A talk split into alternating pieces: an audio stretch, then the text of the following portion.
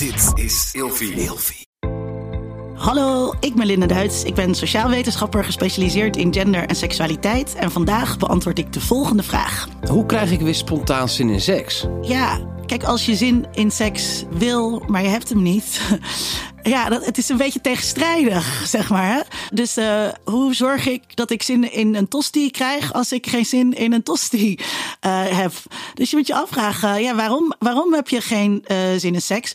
En waarom zou dat erg zijn? Hoezo um, moet je zin in seks hebben?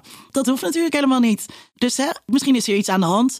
misschien heb je al een hele tijd geen seks gehad omdat er een pandemie gaande was en je single was, dan weten we dat de zin in seks ook afneemt. Misschien is er wel iets met je gebeurd waardoor je uh, geen zin in seks hebt. Hè, als, je, als je verkeerde oesters hebt gegeten, dan wil je ook gewoon geen oesters um, uh, meer. Waarom zou je dan in hemelsnaam tegen jezelf zeggen: Ik moet die zin in oesters weer terugkrijgen, omdat dat van mij verwacht wordt?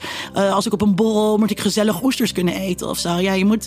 Um, dus het is heel raar om tegen je zin zin te willen maken.